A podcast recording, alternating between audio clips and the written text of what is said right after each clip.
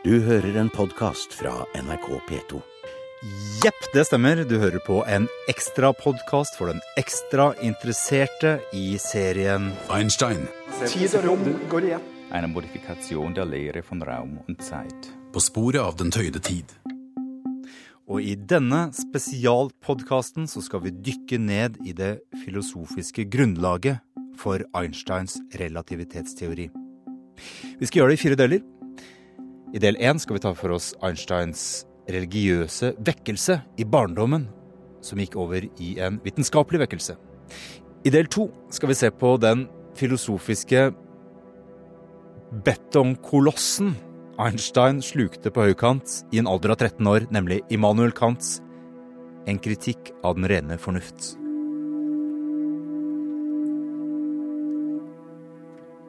I del tre og fire skal vi se på de filosofiske heltene som Einstein hadde som student og som en ung mann i Bern i Det olympiske akademi.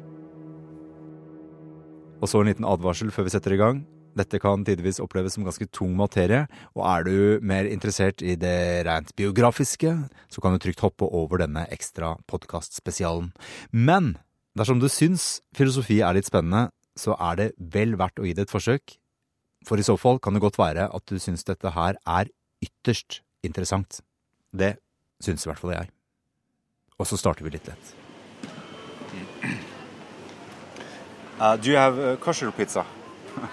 you have pizza kosher to eat. Uh, you know, not with uh, pig meat.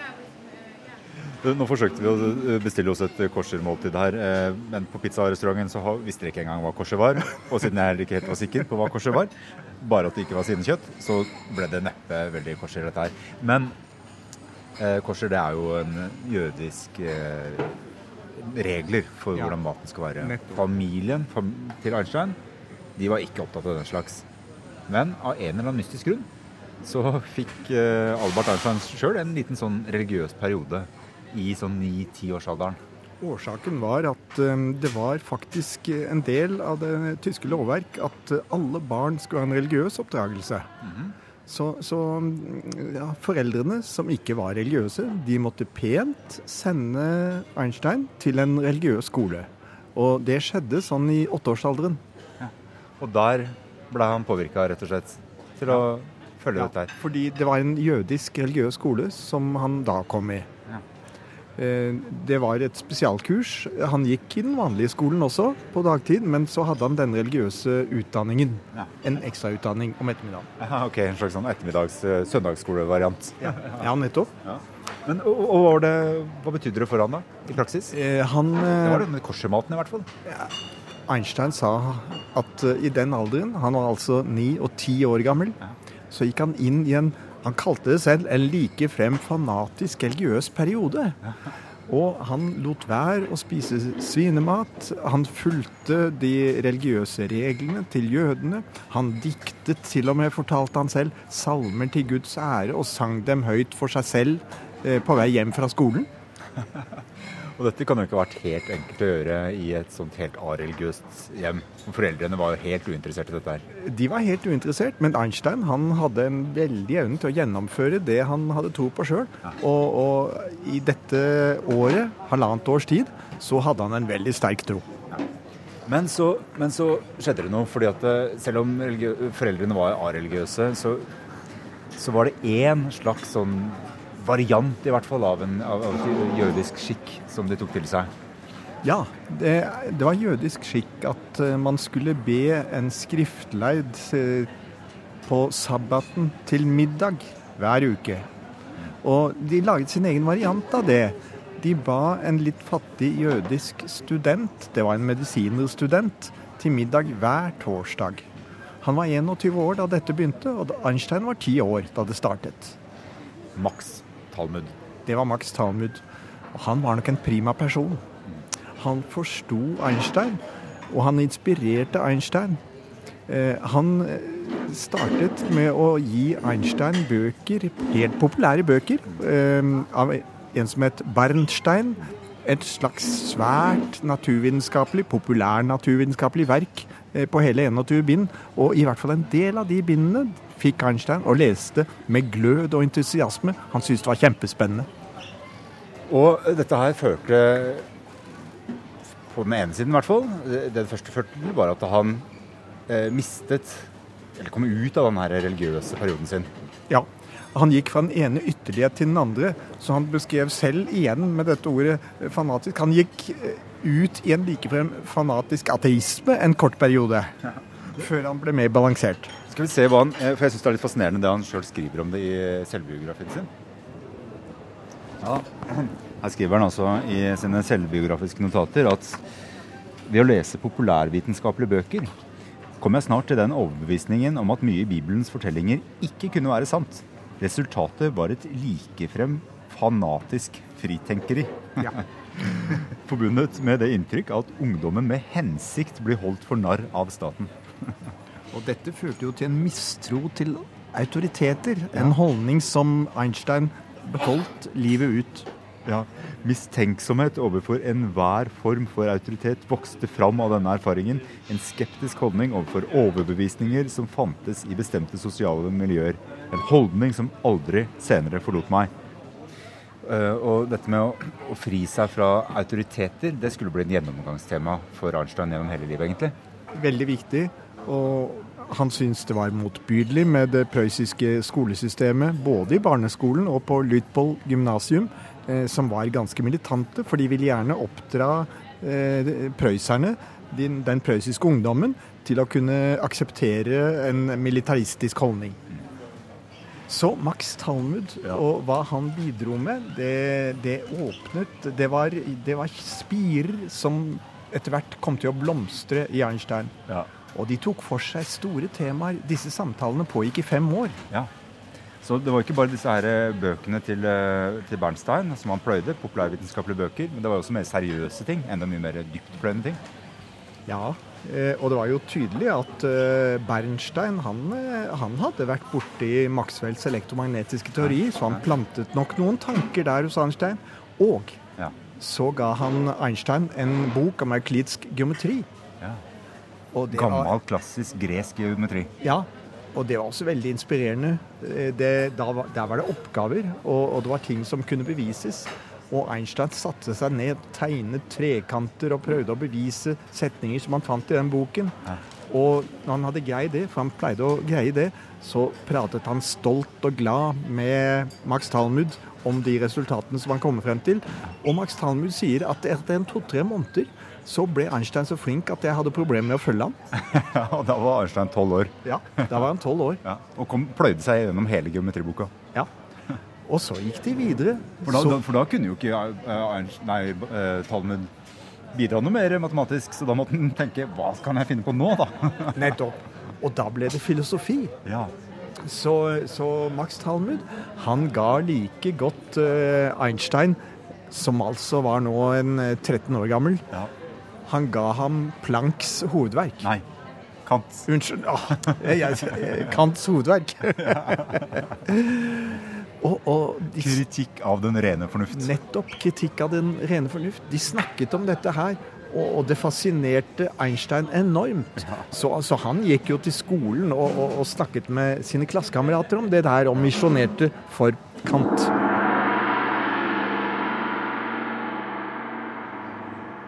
Så da jeg satt meg på en togstasjon, som seg hør bør når man snakker om Einstein, med filosof eh, Einar Dønger Bøhn. Eh, Det sies at Einstein som 13-åring da fikk Kants hovedverk eh, 'Kritikk av den rene fornuft'. Og, og slukte hele dette verket med hud og hår og syntes dette var utrolig spennende. Hva tror du Einstein som 13-åring fikk ut av det verket? Veldig lite. Jeg tror egentlig ikke han fikk så veldig mye ut av det i det hele tatt. Ja. Han leste sikkert med stor entusiasme og fikk eh, mye glede og stikk av innsikt her og der, men jeg tror ikke han fikk så mye kantiansk forståelse ut av det. For den går for å være temmelig tung. Ja, det er, eh, det er kanskje filosofihistoriens eh, mest debatterte og tyngste verk. Så han, selv Einstein får ikke noe ut av den som 13-åring. ikke mye, i hvert fall. Nå skal vi prøve å få noe ut av det her og nå, vi. Eh, klarer vi det? Nei. For å få en eh, idé om hva det handler om. Der, Ja, det, kan, det kan vi prøve på. Eh, så hva handler om? Eh, det, um, det som eh, Hovedpoenget, eller det som står igjen av kritikk av ren fornuft som, som Kants geniale greie, liksom, det er å stille spørsmålet hvordan syntetisk a priori kunnskap er mulig. Det er det som er så vakkert i den boka, det som er så genialt og dypt. og det skal jeg forklare hva det betyr. Uh, så det han gjorde, det er veldig sånn opptatt av erkjennelsesteori, hele verket. sånn Hvordan kan vi ha kunnskap av visse typer om verden? Og han delte kunnskapen opp i fire, noe vi kan kalle Kants matrise. Det er som satt opp sånn fire bokser. Bare, bare ta, bremse enda et hakk tilbake, og så sier du at, er, at den er opptatt av den type kunnskap vi kan få om verden. Hva, hva betyr det egentlig? Altså, Nei, altså Vi kan tenke oss at vi vet noe om verden. Det er liksom vi sitter inne nå sitter vi, i, vi sitter her nå, er det, det er kanskje en antakelse i seg sjøl, at vi sitter her nå. Ja, ja, men altså vi vet noe. Vi vet f.eks. at jeg har en kaffekopp foran meg her nå. Så vi, Det er antakelsen at vi vet noe. Og så er spørsmålet hva slags type kunnskap har vi. Én er erfaringsbasert. Ja. Så vi kan se og observere og lukte og høre og sanse type ting om verden. Og det kan vi oppnå kunnskap på basis av. Det er ideen. Og den kaller man Kaffen er varm. Ja, for eksempel. Det er en sansning av at kaffen er varm. Og da, det kaller man en aposteriori kunnskap. Den er erfaringsbasert. Og på den annen side så har du a priori kunnskaper. Det er sånn som matematikk er kremeksempler på det. Når du utleder og beviser vanskelige eh, teoremer i matematikk, så er ikke det basert på noe du har observert. Du, står ikke, du må ikke gjøre noe eksperimenter med et mikroskop for å finne ut av det. Du beviser det rasjonelt. Ved å sitte og tenke rett og slett, og føre bevis på det. Jeg går ikke ut og observerer at kvadratroten av 9 er 3. Nettopp. Så du beviser det ved noen antakelser og noen logiske slutninger. Og det kalles a priori-kunnskap. Så den er rasjonelt basert, og det a posteriori er eh, erfaringsbasert. Så det er et skille som ble trukket lenge før Kant. Så det er ikke liksom inven- eh, han som har funnet opp, men han brukte det skillet som type, to typer kunnskap. Erfaringsbasert og rasjonelt basert. Eller, ja. Og så trakk Kant et skille til som han er mer kjent for, og det er skillet mellom analytisk og syntetisk. Og analytisk kunnskap det er sånn som er begrepslige sannheter i seg selv. Altså det ligger i begrepenes mening at setningen kommer ut som sann. Så f.eks.: Alle ungkarer er ugifte menn. Hvis du forstår de begrepene som er involvert, og måten det er satt sammen til en setning på, så forstår du at den er sann. Du bør ikke gå og sjekke alle ungkarer og spørre er du ugift mann, for du vet at det er det en ungkar er. Så det er ikke noe vits å sjekke. Så den er analytisk. Og f.eks.: Hvis det snør, så snør det. Det er altså sånn vi vet det er sant. Det er analytisk kunnskap. Vi behøver ikke å sjekke noen ting, og vi behøver ikke å Vi kan bare forstå språket, så ser vi at det er sant. Og så Det motsatte var da syntetisk, og det er ofte definert som bare ikke-analytisk. Så det ligger ikke i begrepets mening. Ok, Um, eksempel på det, da. Ja, F.eks. at jorda er rund. Ja, riktig. Det ligger ikke i begrepet, nei. Nei. Det, man trodde den var flat før, og nå tror vi den er rund.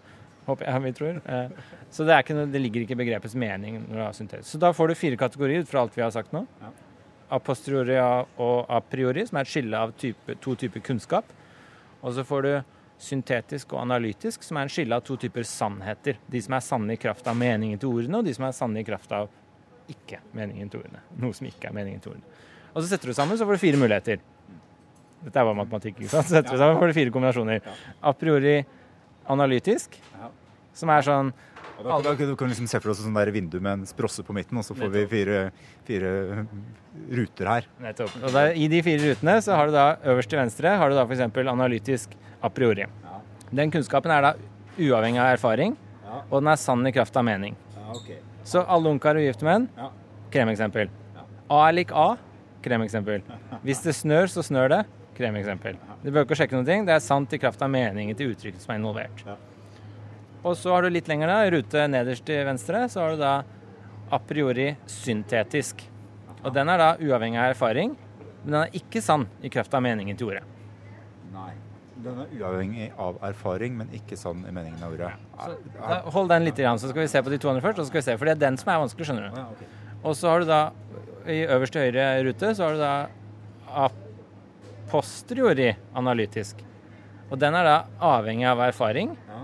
Men den er sann i kraft av mening. Og den gir nesten ikke Det, det gir ikke noe mening. Så den boksen er tom. Er tom, Ja. Fordi hvis du er sant i kraft av mening, så bør du ikke gå og sjekke. Og hvis den er posterior, så må du gå og sjekke. Men mer interessant så har du da er litt som smør på fleskboks, på en måte. ja, egentlig. Nei, det er heller en motsetningsboks. Den sier mot seg selv, nesten.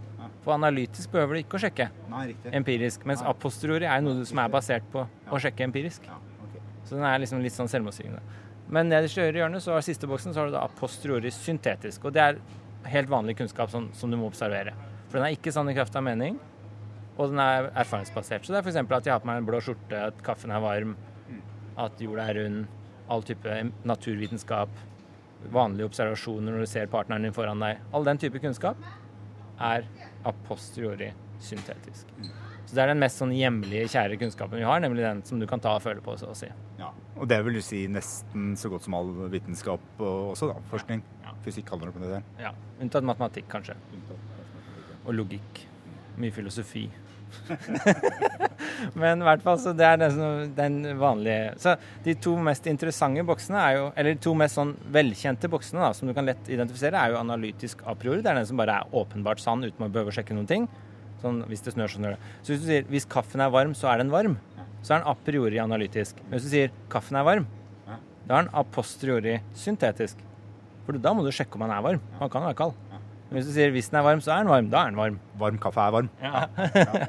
Så du kan skille mellom den analytisk a priori og den a posteriori syntetiske. De er veldig velkjente. Men hvis du nå tenker på syntetisk a priori, den tredje boksen som vi hoppa litt over, så er den veldig mystisk. Og det var noe av Kants hovedpoeng i kritikk av ren fornuft. I introduksjonen til den boka så stiller han det spørsmålet. Derfor, når jeg har lest den boka, så henger jeg meg alltid opp i introduksjonen, for det er så dypt spørsmål som blir stilt der, at jeg kommer egentlig aldri videre. og det som skjer i introduksjonen der, er nettopp han sier hvis vi ser på disse boksene, og så forklarer vi hvordan det er mulig den type kunnskap, og gir eksempler, så er alt fint. Men når du tenker over syntetisk a priori-boksen, eller den ruta, så uh, stiller du deg spørsmålet hvordan er den type kunnskap mulig?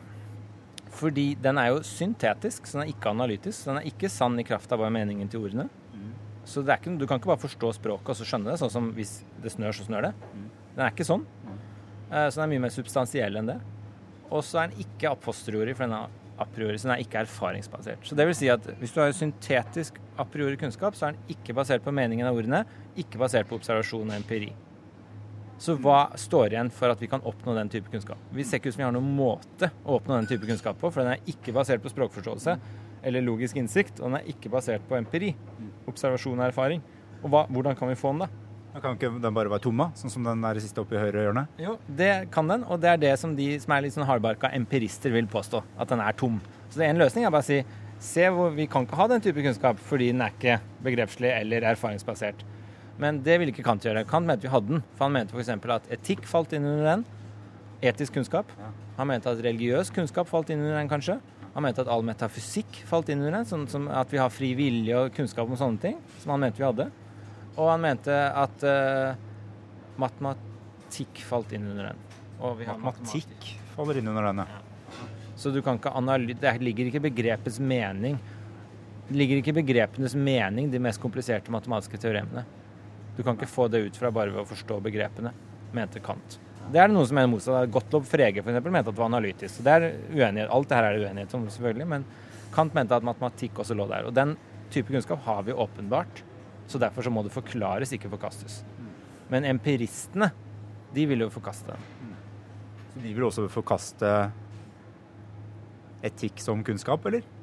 Ja, de hardbarka logiske empiristene forkasta etikk og estetikk og religion og sånn som meningsløst. Og så mente de at etikken var følelsesbasert, så det var noe litt annen type. Det var mer sånn uttrykk for følelser enn det var rasjonelt begrunna. Så de forkasta den boksen, rett og slett. Men det er de hardbarka, da. Det er ikke så mange som går den veien, men det var mange som gjorde det. Men kanskje det var en fordel da, for eh, å være 13 år og lese boka, så skjønte man ikke hvor dypt det spørsmålet var, og kunne fortsette forbi introduksjonen. Ja, jeg tror det.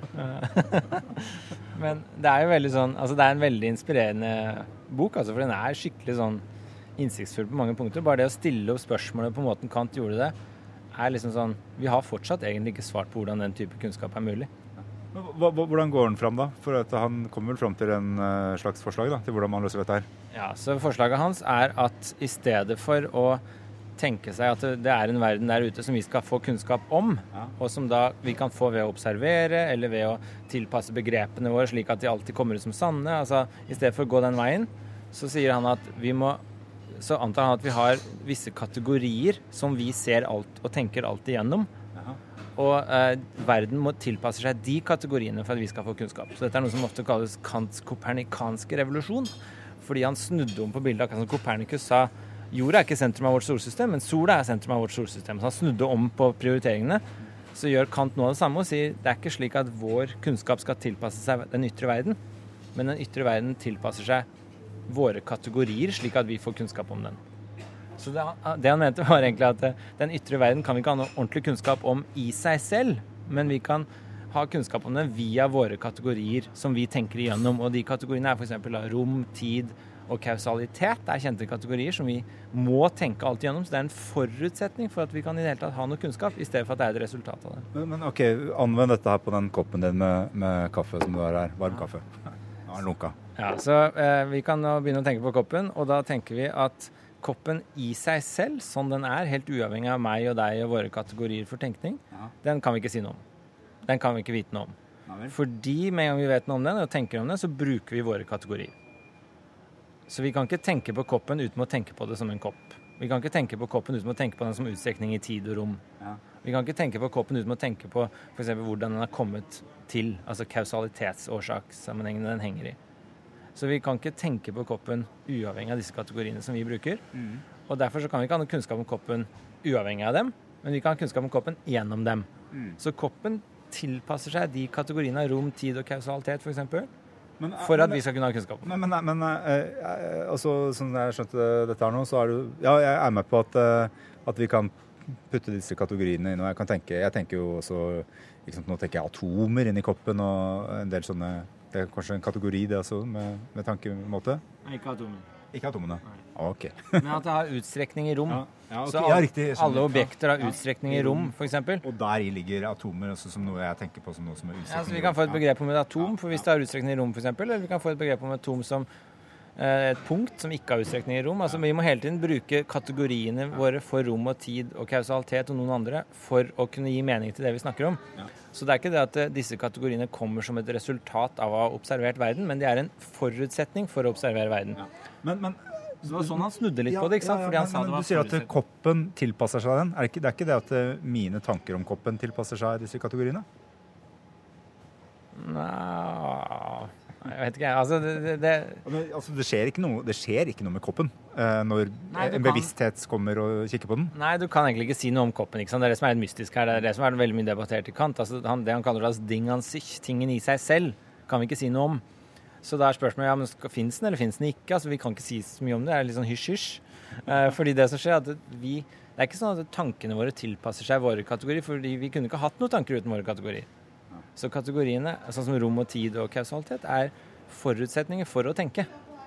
Så det, noe, så det blir på en måte et meningsløst spørsmål å si om hva som til, eller å si at eh, vi tilpasser oss koppen, fordi vi kunne ikke ha tenkt på koppen på noen som helst måte uten disse kategoriene til å begynne med.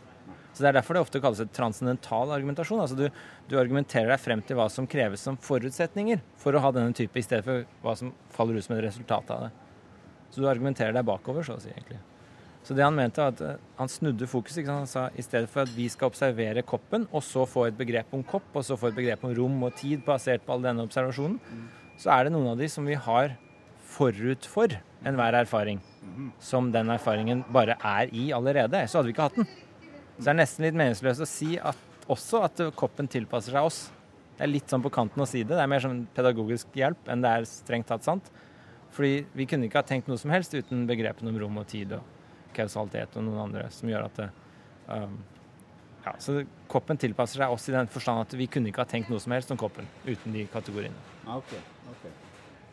Ja, Det kan jo kanskje gi Så det som er litt sånn pedag- eh, interessant, er at han snur på fokuset. Så vanlig tenkning er at det, det finnes en kopp, og så får vi masse begreper som følge av å observere den.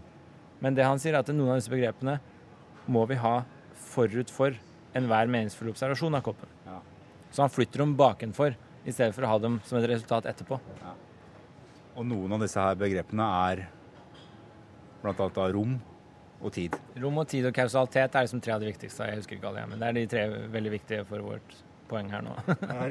Og da kan vi tenke oss at eh, i hvert fall eh, 13 år gamle Ernstein, når han lest gjennom dette her, så får han noen tanker om, om f.eks. rom og tid Ja, og er- kausalitet. Ja, helt riktig. Fordi det som skjer i den boka, er at det er en lang introduksjon som stiller opp det spørsmålet hvordan er den type kunnskap mulig. Og så begynner han å snakke om rom og tid. Så rom og tid har egne kapitler der. Så det er veldig sentralt når du begynner å lese boka, at du begynner å komme rett inn på rom og tid. Så det er veldig viktige kategorier for Kant. Og det er derfor jeg tipper Einstein ble veldig inspirert av nettopp begrepet rom og tid, hvis han leste det på en tidlig alder. Så det er det som på en måte, når du leser boka som ung student, så er det kapitlene om rom og tid som fenger med en gang, liksom. For de er veldig sånn interessante. Og det er eksplisitt titlene på kapitlene sånn. Rom, tid. Og dette var jo klidsk, altså det var tredimensjonalt klassisk geometri fra gamle grekerne. Som Kant mente den rommet, rommet oppførte seg etter. Da. Så det var liksom dybde, høyde, bredde.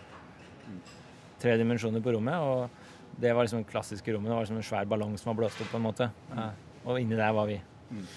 Hva, hva sier den om tida, da?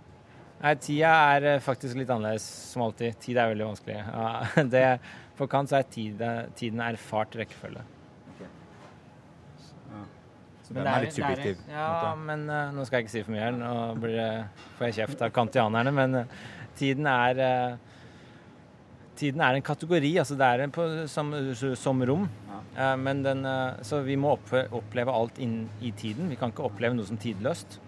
Eller atidsmessig. Altså Det må være inne i tiden for at vi skal kunne ha tanker om verden. Så må det være innenfor tid. Så det er som rom, en kategori på den måten. da. Men det er jo Noen, noen ord mer om, om, om rommet, da. Romkapitlet. Ja, altså rommet for eh, Kant er jo da som sagt en, en kategori som er forut for tenkning. Så vi må tenke ting som i rom. Vi klarer ikke å tenke en fornuftig tanke uten at det er i rom, mener Kant. da. Eller er ikke strengt ikke sant. Vi kan tenke matematikk og sånn som kanskje romløst, men sånn, det som vi erfarer i hvert fall, må inn i rommet. Det som vi observerer. Og for Kant så var jo rom, som jeg sa, euklidsk. Altså det var tredimensjonalt. Og det var for Kant et eksempel på nettopp a priori syntetisk kunnskap. Så det var sånn Kant forklarte a priori syntetisk kunnskap, at det er basert på de kategoriene som er forut for tenkning, heller enn som et resultat av tenkning. Du, jeg kom på en ting. Kanskje ikke alle er helt med på hva euklidsk rom egentlig er? Ja, altså Euklidsk rom er Altså det er et rom som er eh, Kort fortalt er det bare et rom som er tredimensjonalt, og som eh, oppfyller visse aksiomer, som bl.a. at hvis to linjer går parallelt bortover, så møtes de aldri. Vinkelsummen i en trekant av 180 grader. Ja, Så det er den klassiske geometrien du lærer på barneskolen og ungdomsskolen. Ja. Etter grekeren Euklid. Ja. Og det var liksom første eksempelet på en person, en, en fyr som satte opp aksiomer, altså grunnpåstander som vi bare tar for gitt, og så beviser han alt annet på basis av det. Så det var sånn vakkert matematisk system sånn 500 år før Kristus eller et eller annet sånt, som eh, Euklid satte opp. Og det var veldig inspirerende for veldig mange. Og opp gjennom hele filosofihistorien frem til 1800-tallet så var det sett på som absolutt sikker kunnskap. Og det var sett på som at dette måtte være sant, og det var sett på som å være en type a priori kunnskap. Det var uavhengig av erfaring. Vi bare visste at disse aksiomene, dette geometriske systemet, rommet var tre dimensjoner oppførte seg sånn, det visste vi a priori. Uavhengig av kunnskap, eh, erfaring. Eh, og Kant mente at den type kunnskap om rommet, som ha, har tre dimensjoner, høyde, dybde og bredde, og at eh, parallellaksiomet, altså at to linjer aldri møtes hvis de er parallelle, det var absolutt sant, og det var a priori. Vi skjønte det, og skjønne begrepene som var involvert i eh, i uh, geometrien. Ja? Hvis vi skjønner hva parallelle linjer er, så vet vi at det da det er ikke noe vits å spekulere noe videre på den saken. Men det som var litt viktig, at det var ikke analytisk for Kant. Nei. Så det var syntetisk. Så det var et av eksemplene han mente vi måtte forklare, nemlig syntetisk a priori kunnskap. Og, og rommet, geometri og matematikk, var den type kunnskap for Kant. Og det er derfor han mente at vi må forklare det, og ikke forkaste den boksen. Den type kunnskap. Fordi vi kan ikke forkaste matematisk kunnskap, for vi har jo åpenbart matematisk kunnskap, mente Kant. Riktig. Men vi kunne ikke erfare at uh, Vi kan jo ikke gå ut og erfare at to parallelle linjer aldri treffer hverandre i, i uendeligheten. Nettopp. Fordi vi ikke, faktisk kan ikke måle det. Ja. Og så ligger det heller ikke i begrepene som en sånn analytisk sannhet for Kant. Så han mente vi måtte forklare det. Og det eh, var en av motivasjonene til Kant var jo nettopp å forklare den type kunnskap. Og derfor så kom hele bildet hans med kategorier og For den type kunnskap er da forklart ved at det er forutsetninger for all type tenkning og kunnskap, heller enn et resultat som du skal bevise på basis av erfaring. Så han sa det ligger ikke i begrepsforståelsen. Det er ikke noe vi kan skjønne å skjønne begrepene. Det ligger ikke i erfaringen, men det er en forutsetning for erfaringen. Så vi kunne ikke ha tenkt noe som helst uten den type kunnskap. Men nettopp det som er interessant, er å se at det Einstein gjorde, og det som begynte å skje på 1800-tallet, var jo nettopp at man forkasta Man begynte å finne opp nye geometrier, nye typer geometriske systemer som ikke samsvarte med det euklidiske. Så eksempel så var det systemet hvor parallelle linjer møttes før eller siden. Og det var veldig sånn mind-blowing den gang. ikke sant? Det var Sånn, wow, dette trodde vi var fast, sikker kunnskap og a priori og fornuftsbasert. Og så viser det seg at det kommer opp masse alternative geometriske modeller som motsier det, og som er helt koherente. Det er ikke noen kontradiksjon, de er helt fine sånn matematisk sett. Og det Einstein gjorde, var jo bare å velge seg et sånt system, plukke det ned fra matematiske hylla, og så sa han dette her vil jeg anvende i min fysikk. Og da får jeg til eh, ting til å gå opp, og det stemmer med observasjonen, og alt stemmer bedre. Og det han gjorde da, var å forkaste euklidisk geometri, som da Kant mente var syntetisk a priori. Et kremeksempel på den type kunnskap som måtte forklares. Og her viser det seg at det er jo ikke det. Fordi det er nettopp kan observere at det ikke stemmer for Einstein. Og da falt den kategorien for Eller da faller mye av poenget, motivasjonen til Kant, da, hvis Einstein har rett. Hæ. Hva Dette må ha vært veldig trist for kantianerne. Ja, det er kanskje det. Altså, det er noen, de er jo alltid filosofer, finner jo alltid veier utenom. Så, men ja, jeg vil si det er ganske trist for kantianerne. Fordi du forkaster jo hele mye av motivasjonen. Altså, det viser seg at empirisk er det ikke slik at det som var kremeksempelet, som motiverte mye av poengene, viser seg ikke være a priori sikker kunnskap. Så. Men man kan jo si f.eks. at den type fornuftsbasert kunnskap kan være feilbarlig. Så man kan si at det, det bør, det, mange har trodd at den er ufeilbarlig. altså Når det er fornuftsbasert, så er den sikker, og du tar ikke feil. Mens du kan jo hevde at den er feilbarlig, akkurat som observasjon er feilbarlig. Så du ser ting som viser at det er feil ved nærmere ettertanke, og så kan du tenke at vi har en fornuftsbasert kunnskap som ved nærmere ettertanke viser seg å være feil. Kanskje det er et sånt eksempel som er mindre dramatisk da enn at eh, Men allikevel, mye av motivasjonen blir jo borte. da. Det vil jo da i så fall, hvis, hvis både etikk og religion er en, også i den kategorien, så åpner det for at det kan være noe gærent i oppfatninger der også. Ja, ja, Hvis ett eksempel faller, så kan man begynne å stille spørsmål ved de andre. Ja. Men, uh, ja, ikke sant? Og, for dette, og det viser jo litt også hvorfor Einstein var så revolusjonerende. da. I, I og med at øh, dette her var vel noe Newton for eksempel også bare tok for gitt, dette med rommet. Ja, så altså det som er mye artig å lese når du leser om Einstein, er at han var liksom sånn revolusjonær uh, rebell. ikke sant? Altså Han tok mange av de grunnantagelsene og stilte spørsmål ved dem. Og det er jo tegn på storhet. altså Alle de store kunnskapsframskrittene og revolusjonene skjer når folk stiller spørsmål ved grunnantagelsene og metodene, heller enn å justere, finjustere på noe av det som allerede har vært. Og det Einstein gjorde, var jo nettopp å gjøre det, stille spørsmål ved grunnantakelser som absolutt rom, absolutt tid, sånn som Newton hadde basert seg på. Og så stilte han spørsmål ved om det var tilfellet. Og eh, Kant har jo også kremeksempel her, er noen grunnantakelser som er absolutt, rom og tid f.eks. Og så viser det seg at de er ikke a priori syntetiske. Altså, de er ikke så sikker kunnskap. De er ikke kremeksempel på kunnskap om verden som er fornuftsbasert. Fordi den viser seg å være feil om verden. Så da kan det ikke være kunnskap. og kunnskap må være sant. Ellers så bare tror vi at vi har kunnskap. Så han er nettopp eh, eh, revolusjonær på det punktet ta tak i grunnantakelsen og si her er det noe som vi kan gjøre noe med. Det er et tegn på storhet.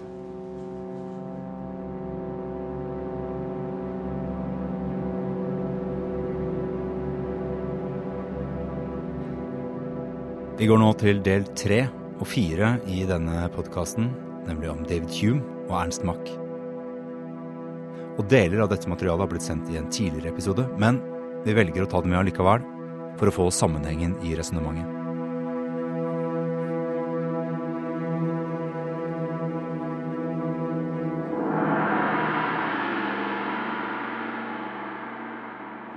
Nå sitter vi på, på kafeen på Einstein-museet, hvor matseilinga var ferdig.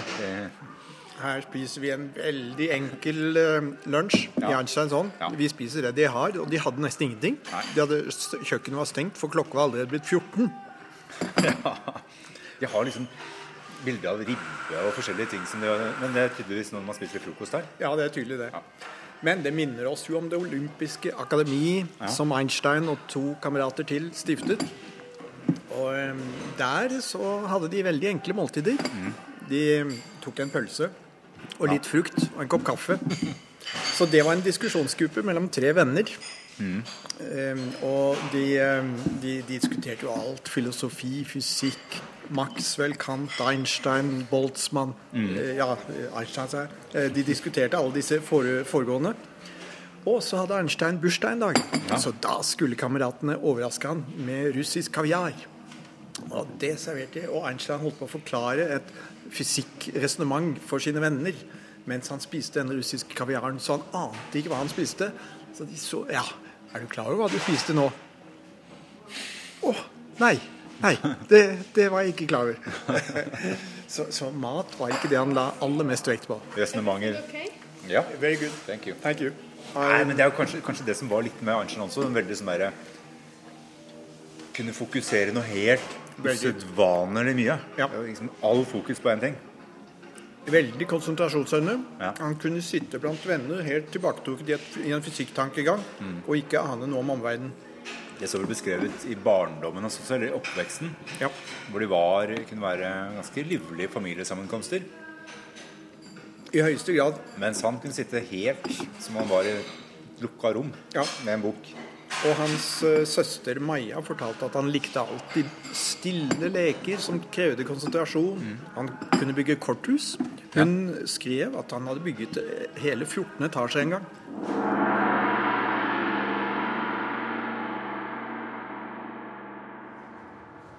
Og vi skal snakke litt mer om eh, hva egentlig det olympiske akademi blir på norsk. Akademia Olympia, hva de, eh, hva de diskuterte. da. Det var jo de tre kompisene Adolf Einstein, Maurice Solovin og eh, Konrad Habicht som eh, var liksom ungkarer i, i, i, i Bern. Og møttes, røkte pipe, spiste pølser. Og diskuterte moderne fysikk og filosofi. Og så var det sånn at de hadde noen, eh, noen sånne helt klare filosofiske helter etter hvert. Og det var gjerne eh, særlig Hume og en som heter Ernst Mack. Eh, Einar Døngenbøen. Vi kan, skal vi starte med Hume? Ja, start med Hume. Uh, Hume har denne uh, mesterverket sitt som heter Treatise of Human Nature. Uh, og det skrev han faktisk som 27-åring, som alltid har imponert meg. Han var 27 år da han skrev det svære mesterverket sitt. Det er jo lenge siden jeg var 27 år. Men han eh, Det er en bok som er veldig inspirert av Newton, faktisk. Han, tar, han var veldig imponert over Newton, som da satte opp rett og slett matematisk et aksiomatisk system, altså noen grunnpåstander, og så beviser du ting ut fra det. Og han satte opp det for å forklare den naturlige verden. Det var Newtons prosjekt. Så Principia Mathematica er jo Nei, Principia eh, Hva heter den? Natur... Principia kaller man den bare, men eh, om naturen, da. Eh, så det Newton gjorde, var jo nettopp å sette opp et matematisk system hvor han beviste eh, himmelske sfærene, hvordan de oppførte seg, planeten og sola og gravitasjon og alt. Og veldig vakkert, ikke sant? imponerende på den tiden at man ut fra noen få grunnprinsipper, fire, fem, fire tror jeg var aksiomer, fire påstander, og så beviser du så vanvittig mye. Og det var veldig imponerende. Og Hume var veldig imponert over det her, og forsøkte å gjøre noe det samme for menneskelig naturen.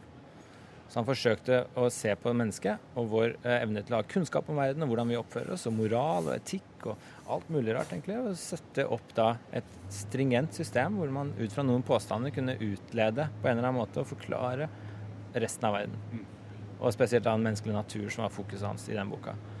Så det er veldig sånn newtonsk inspirert eh, eh, bok. Og ideen der er at det er det som kalles et em empirisme. Han var en av de største empiristene. Eh, og ideen er at du har All kunnskap vi har om verden, stammer fra erfaring. Stammer fra observasjon til syvende og sist. Så det vi gjør, er at vi har visse observasjoner. Vi gjør visse observasjoner gjennom sansene våre. Og da får vi det han kaller et inntrykk av verden. Og så- Har en kopp Uh... av en kopp, f.eks. Så hvis jeg ser på denne koppen, så får jeg et inntrykk av Jeg får masse sanseinntrykk. Så farger, former Jeg får masse sanseinntrykk. ja, litt, den er litt, litt tung. Hvit, litt Ikke så veldig tung lenger, men han er litt, litt hvit. Og, og har en litt spiss hank osv. Og, så Ja. og det får jeg masse sanseinntrykk. Og på basis av de inntrykkene så danner jeg meg ideer. Og de ideene er kopier av de sanseinntrykk. Det er bare litt svakere, diffuse kopier av sanseinntrykk. Og så danner du deg mer komplekse ideer, for du kan ha inntrykk av ideene dine igjen. Interne inntrykk Ja. av en idé du har inni deg. Og så kan du danne en idé av det inntrykket igjen. Så danner du deg hierarki. Hva, hva betyr det? Inntrykk av en idé? Nei, så Du først får du et sanseinntrykk fra den ytre verden, Ja. og så danner du deg en idé på, av det. Ja. Og så kan du internt få et inntrykk av din egen idé. Jeg, jeg, nå, nå sitter jeg og ikke ser på koppen, men jeg tenker på en kopp. Ja, Og da har du et inntrykk av den ideen du tenker på nå. Ja. Uten å se på koppen. Ja. Så det blir en sånn kjede av inntrykk. Og så kan du sette sammen ideer. Så når du får to forskjellige ideer, så kan du kombinere de. Så eksempel jeg kan ha et inntrykk av en hest, danne meg en idé av en hest, så kan jeg ha et inntrykk av et horn, og så danne meg en idé av et horn. Så kan jeg sette hornet i panna på hesten, og så da får jeg en idé om en enhjørning. Eh, Da jeg, kan jeg ha et inntrykk av den ideen jeg har av en enhjørning igjen. Ja, og så bygger du opp hele menneskelige bevisstheten på den måten. Og, dette, og alt, når du har en sånn idé, så skal alt spores tilbake til inntrykk, nemlig observasjon. Så han er en empirist. Det er det empiristene mener. At du har all kunnskapen din som til syvende og sist skal kunne spores tilbake til inntrykk. Sansning. Og hvis du ikke kan spore noe tilbake til sansning eller et inntrykk, så er det egentlig tomt. Det er meningsløst. Så hvis du ikke kan observere noe, så fins det ikke. Det er ideen. Ok. Uh, ja. Så hva, med, hva med sånne følelsesfenomener som kjærlighet, f.eks.? Finnes det? Ja, for Hume finnes det masse følelser, og all etikk er basert på følelser, f.eks. Så for Hume så finnes det masse følelser, men det er inntrykk du har av dine egne eh, følelsesreaksjoner. Aha, man, jeg eh, kjenner at eh, noen nervesignaler oppi hjernen min eh, eh, gnistrer av gårde, ikke sant? Og så er det et inntrykk. f.eks. I moderne forstand. ja. Så ideen er at følelser er, følelser er noe du kan ha direkte inntrykk av. Hva med matematikk, da? Eh, To pluss to er fire. Ja, Det er et kjempeproblem for Hume spesielt. Fordi eh, matematikk er sett på som fornuftsbasert, ikke som erfaringsbasert, tradisjonelt sett. Og for Hume blir det et problem, for hvor observerer vi f.eks. at det er eh, forskjellige hierarkier av uendelighet, som du kan bevise i matematikk? At de reelle tallene er flere enn de naturlige tallene. Hvordan kan du observere det? Det kan vi jo ikke. Så to pluss to er fire, det kan vi liksom observere. Det er to Ja, små det kan du steiner. observere. Men ikke sånne større matematiske ting. Så for eksempel, hvis du begynner å si at en million pluss en million, så er det ingen som har lagt sammen en million kuler. Det er noe de har bevist ut fra andre ting. Så de har ikke direkte observert det. Så da begynner spørsmålet å bli hvor kommer den type matematisk kunnskap fra som vi aldri har observert. Altså Det er et kjempeproblem som Hume sliter med, og det er liksom en av ankepunktene mot empiristene er nettopp matematisk kunnskap.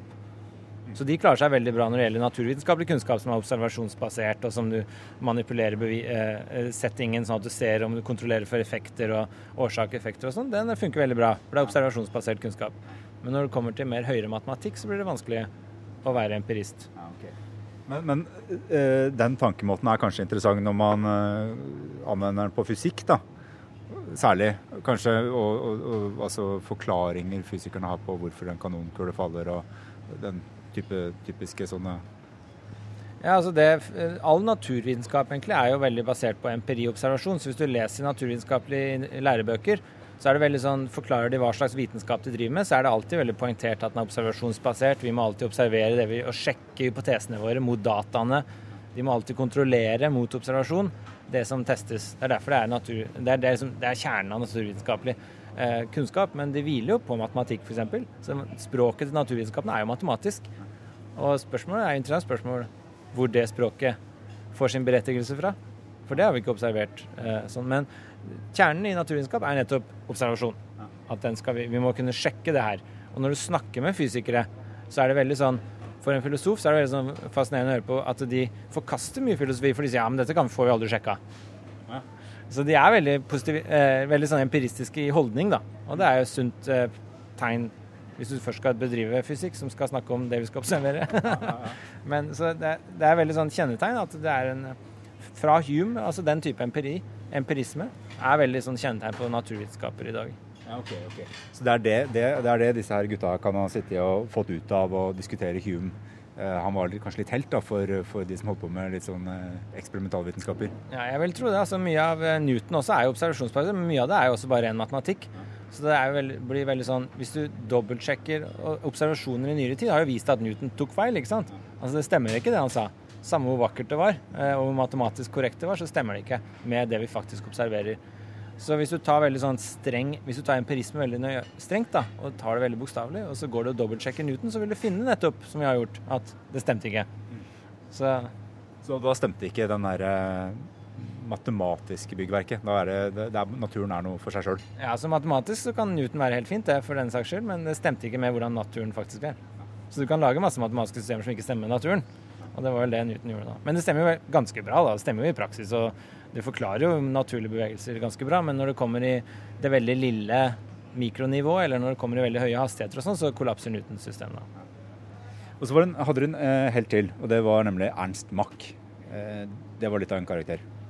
Ja, han også var jo eh, en tysk filosof Eller han også, Hume var ikke tysk, men Ernst Mach var jo en tysk filosof som eh, eh, døde i 1916. Altså, han levde hovedsakelig på 1800-tallet. Og han var også en, eh, veldig inspirert av Hume. Og også da eh, står det i alle disse artiklene om Mack at han var også en inspirasjon for Einstein. Og eh, det som var Max idé Han var en veldig sånn allsidig fyr. Han gjorde psykologi, empirisk psykologi. Han var veldig inspirert av, eh, drev samtidig som William James og var veldig inspirert av når de grunnla empirisk psykologi, var han veldig med på. Han, han var fysiker, så han gjorde, eh, han gjorde eksperimenter og fant ut ting i fysikk. Det er vel det er vel der man har, snakker om Mach 1 og Mach 2 og sånt i flyet, sånne hastigheter. og Det tror jeg er etter han. Det er oppkalt etter han. Eh, eh, og eh, han var veldig stor på fil- vitenskapsfilosofi. Han er en av grunnleggerne av en sånn moderne vitenskapsfilosofitradisjon. Han var opptatt av historie, vitenskapshistorie, så han var veldig allsidig. Han satt på parlamentet på sine eldre dager. Eh, Lenin skrev en bok hvor han kritiserte han, så han var veldig allsidig fyr. Men han, eh, noe av ideen hans er at han er også noe, en såkalt empirist. og han mente også at alt skulle observeres og sjekkes og sånn. Eh, Men han var ikke det som kalles en mekanistisk materialist. Altså han var ikke sånn som tenker seg at verden består av en ytre verden full av små atomer som bumper inn i hverandre i visse rekkefølger, og det forklarer alt. Han var ikke sånn. Han mente at det som du måtte gjøre i fysikk, var å observere korrelasjoner eh, i verden, og da måtte du beskrive det som vi fenomenologisk eh, erfarte. Så han mente at eh, mye av eh, naturlovene baserte seg på hvordan vi erfarte disse sammenhengene, ikke hvordan verden i seg selv var uavhengig av det. Du må ta fram kaffekoppen igjen og forklare. Ja, jeg vet ikke helt hvordan jeg skal gjøre det, faktisk. Eh, Men altså, det du kan si om Mack, var jo at han var eh, Hva skal vi si? Men, men altså, altså, det går på at eh, Det går på kanskje at eh, selv atomer da er bare en sånn forklaringsmodell. Eh, Alt vi kan eh, se er hva, hva det forklarer, og hvis det forklarer mer enn noe annet, så er det bra. Er Ja, altså, Mack var jo en antiatomist, faktisk. Han mente at det ikke var atomer. Men altså, det som er kjennetegnet hans, er han er en veldig komplisert fyr. Fordi han faller ikke inn i noen kategori veldig bra. Fordi han er liksom fenomenolog samtidig som han er fenomenolog Eh, Fenomen fenomenologi er liksom ideen om at du skal beskrive det som slik det oppleves, slik det erfares i bevisstheten vår. Så du er mer opptatt av å beskrive bevissthetserfaringene våre enn den ytre verden i seg selv. Og han mente at det var det naturlover i fysikk eksempel, var, var beskrivelser av de fenomenologiske opplevelsene, altså de opplevelsene vi har av verden i bevisstheten vår når vi gjør eksperimenter. Ja, okay. Det var det naturlovene beskrev, ikke verden i seg selv. Men samtidig så var han en naturalist som mener at alt er i naturen, og ingenting fins utenfor naturen. Så vi skal kunne gjøre naturvitenskapelige eksperimenter og finne ut av alt. For eksempel, det gjaldt til og med psykologi for Mack. Så han var med på å måle f.eks. Uh, opplevelseskurver i psykologi. Altså når du tar litt smerte, mer smerte, når slutter du å føle smerte. Altså han var med å observere, han gjorde eksperimenter og observasjoner i psykologi til og med. Så han mente at alt var et naturlig fenomen. Det fantes ikke noe utenfor naturen. Men i tillegg, som var litt uvanlig, var at han kanskje ikke så uvanlig den gang, men som virker litt uvanlig nå, var at han også mente at det det beskrev, var egentlig våre erfaringer mer enn å snakke om verden i seg selv. Det kan være altså at eh, når jeg eh, ser på en rød ball Opplevelsen av det røde det er en spesifikk opplevelse som skjer inni huet mitt. Men det er faktisk noe fysisk også. Altså det er Ja. Ja, altså, ja, jeg vet ikke helt hva Mack ville sagt om den eksterne verden i seg selv. Han, er bare, han mener bare at det vi beskriver, er Du kan vitenskapelig beskrive våre erfaringer av verden. Eh, og det er ikke noe i verden du ikke kan vitenskapelig behandle. Hvis du har en påstand om noe du ikke kan i prinsippet observere og måle, så er det meningsløst for Mack. Oh, ja. Det er kanskje essensielt der. Ja, altså det er en- det, det i Hume-tradisjonen. Hvis du ikke kan spore noe tilbake til inntrykk og observasjoner, så er det meningsløst. Så til syvende og sist, i prinsippet, så skal alt vi har kunnskap om, og alt som finnes egentlig i i mer ekstreme tilfeller, være sånn at det kan spores tilbake til erfaringer, observasjoner. Og Hvis du ikke kan det, så er det meningsløst. Og Det er jo kjennetegnet på Hume, det er kjennetegnet på Mack, og det er kjennetegnet på det som senere ble kalt logisk empirisme, eller logisk positivisme. At det var kun en type to, en eller kanskje to typer kunnskap. Det, det var observasjonsbasert kunnskap. Hvis du ikke kunne spore tilbake til det, så var det meningsløst. Men for disse logiske empiristene så var det også analytisk kunnskap, altså logisk kunnskap som bare lå i meningen av begrepene. Men det var liksom tom kunnskap, det var ikke noe substansielt. Men, men det er jo kanskje forklaringen på at man er skeptisk til atomer, da, i og med at eh, det ikke er noe man kan se med et mikroskop. Ja, så Det kan være en av grunnene. Så hvis, for eksempel, sånn som man tenker på, hvis man tenker på atomer som punkter i rom, som er liksom punktobjekter som ikke har noen utstrekning i rom, så vil det være meningsløst for de her. fordi du kan ikke observere eller erfare et punkt i rom, for det må ha utstrekning for å kunne observeres. Og sånne atomer vil f.eks. Mack og Hume da forkaste. Men så øh, hoved, øh, Hovedpåvirkninga på Einstein var kanskje deres tanker om rom og tid igjen, da. Ja, men jeg vil tro kanskje at en av hovedpåvirkningene for filosofer har på fysikere, er mer metodologisk, kanskje. Altså at eh, Einstein var inspirert av Hume og Max som sånn metode. At det var en type sånn empiristisk metode. Det skal kunne sjekkes og observeres du skal, før du har sikker kunnskap om det. Og eh, det sånn som hvis du tenker på hvordan Einstein forkasta absolutt rom og tid, så er jo det nettopp noe som man ikke kan sjekke og observere. Absolutt rom og tid kan du ikke åpne og observere for.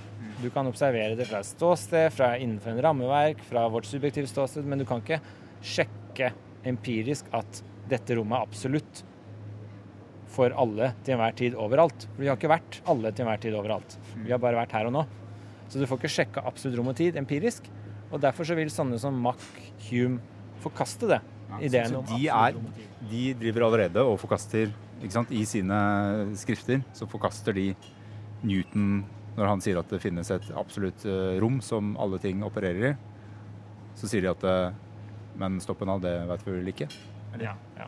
Det, du kan fint lese Hume og Mack i den retning. Og jeg vil tro det er noe sånt Einstein har blitt inspirert av. Altså du, hvis du ikke kan observere det, så hvorfor skal vi tro på det? Du må holde deg til det som er nært og kjært, nemlig det du kan observere og, og teste. Og det er vel nettopp det Einstein gjør. ikke sant? Han forkaster Newtons rom, absolutt rom og tid. Det er en av grunnantagelsene i Newton, og det er en av de tinga Einstein forkaster for å få bildet til å gå opp med og det han observerer og sjekker. Og, og da eh, er han nettopp Kan du lese han som å være veldig inspirert av Mack og Hume i den retning at eh, i retning av en type logisk positivisme. Altså alt skal kunne sjekkes empirisk før det er meningsfullt. Og absolutt rom og tid kan ikke sjekkes empirisk, så det er ikke meningsfullt.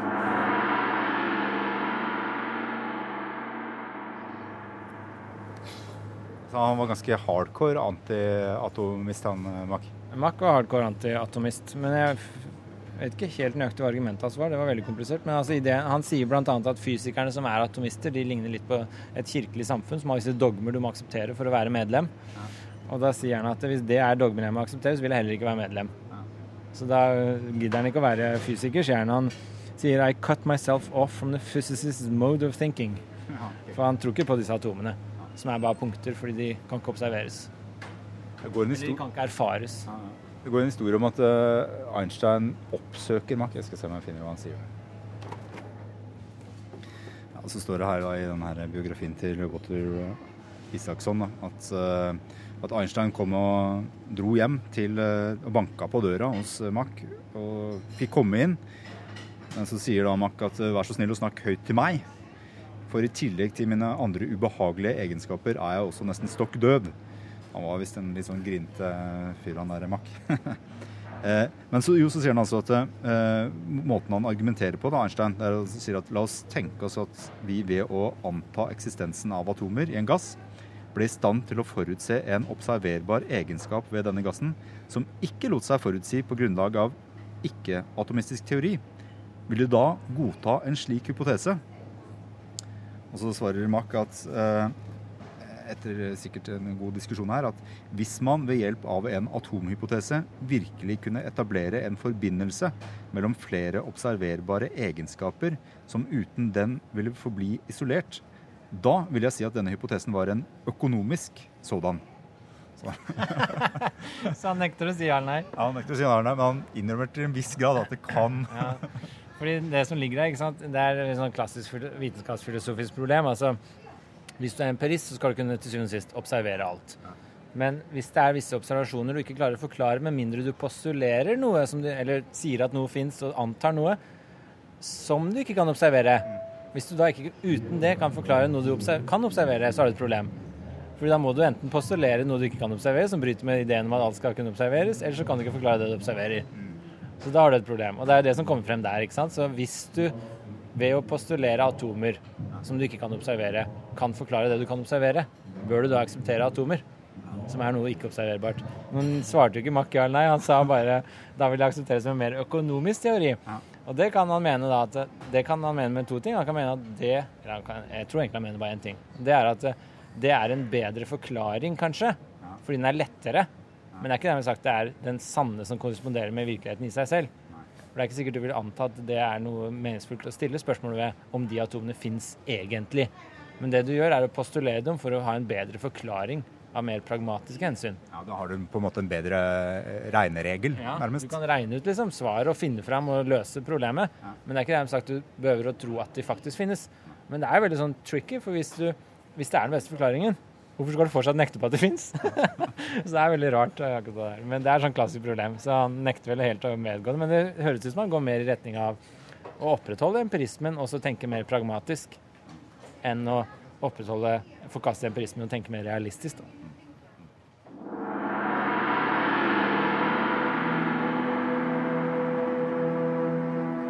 Du har hørt en podkast fra NRK P2.